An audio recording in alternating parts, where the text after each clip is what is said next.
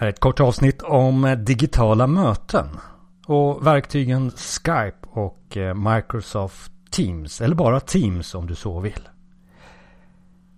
Det nya sättet att jobba är ju på distans eller som eh, man också brukar kalla det digitalt eller digitala möten.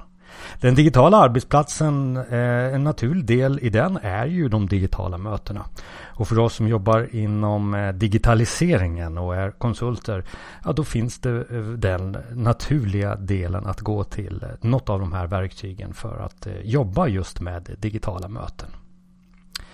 Jag delar med mig lite av mina erfarenheter utav projekt, projektarbete där det handlar om att försöka att koppla ihop sig mellan olika tidszoner, olika kulturer och, och, olika typer av eh, verktyg och teknik som eh, man använder sig utav. Snabbt i affärsvärlden så, så hamnar man lite i, i verktygssnacket och man, och man pratar väldigt mycket om Skype. Skype har ju funnits under flera, flera år och, och en del företag använder andra verktyg. Men min erfarenhet är att det är väldigt många som använder Skype. Och då finns det ju två varianter utav Skype. Det finns en som heter Skype för Business. Och det är den som jag eh, skulle mest rekommendera för, för er som jobbar inom företag. Och den ingår ju också i Office 365. Någonting som jag brukar prata om här i den här podden också. Skype finns ju också som en, eh, eh, en klient för privatpersoner. Och då eh, har de fram och tillbaka försökt att eh, välja olika typer av gränssnitt där i den där privata sfären som gör att man ska lockas över till att börja använda Skype. De har väl inte riktigt lyckats där, Microsoft. Eh, så att eh, i den världen och, och, tävlingen mellan Facetime och, och, den privata sidan av Skype det ska jag inte prata så, så mycket om. Men det är väl en intressant observation också där, där Apple använder sig av eh, sitt verktyg eh, Facetime och där ska det ju också bli så att man kan ha olika gruppsamtal eh, upp till 32 personer ryktas det om att det ska komma i, i Facetime.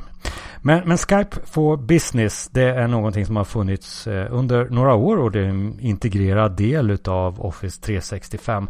Vilket gör att du, du har den på besök i bland annat Outlook och du kan boka Outlook-möten med Skype-inbjudan eh, direkt i, i, i själva eh, klienten när du bjuder in någon till ett eh, digitalt möte. Vilket gör att det blir väldigt, väldigt smidigt. Det som är min erfarenhet är också att eh, det här med att Microsoft pratar om Mobile First. Alltså att de utvecklar för den mobila klienten allra först. Det märker man mm, lite i just användningen av Skype. Där ljudkvaliteten och eh, uppgraderingarna oftast sker före Eh, eh, den desktop-licensen på, på själva mobilen. Klienten för mobilen uppdateras mer frekvent. Och på det sättet också så är kvaliteten eh, mycket bättre. Så ett tips är ju att använda sig av den klienten som man har i, i mobilen om det går.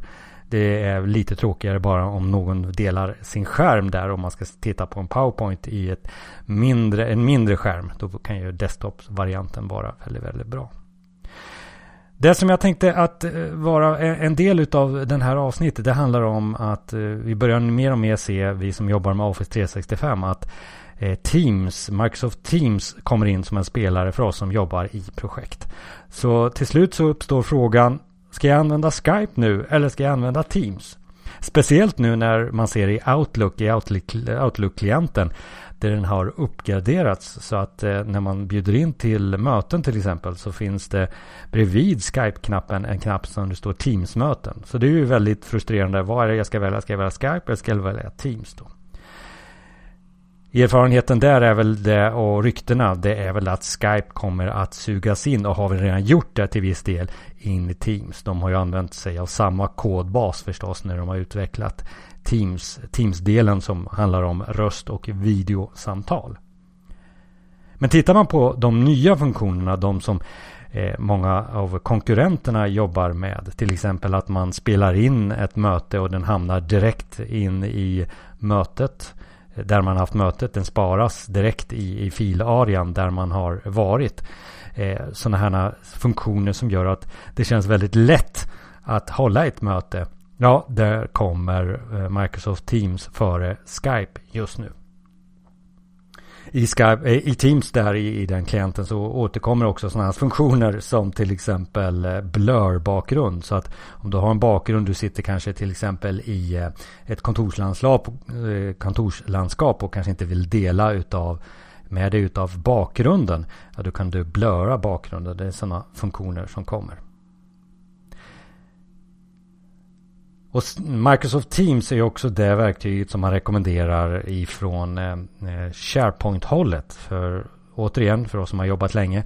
SharePoint, det är ju där du delar dina filer.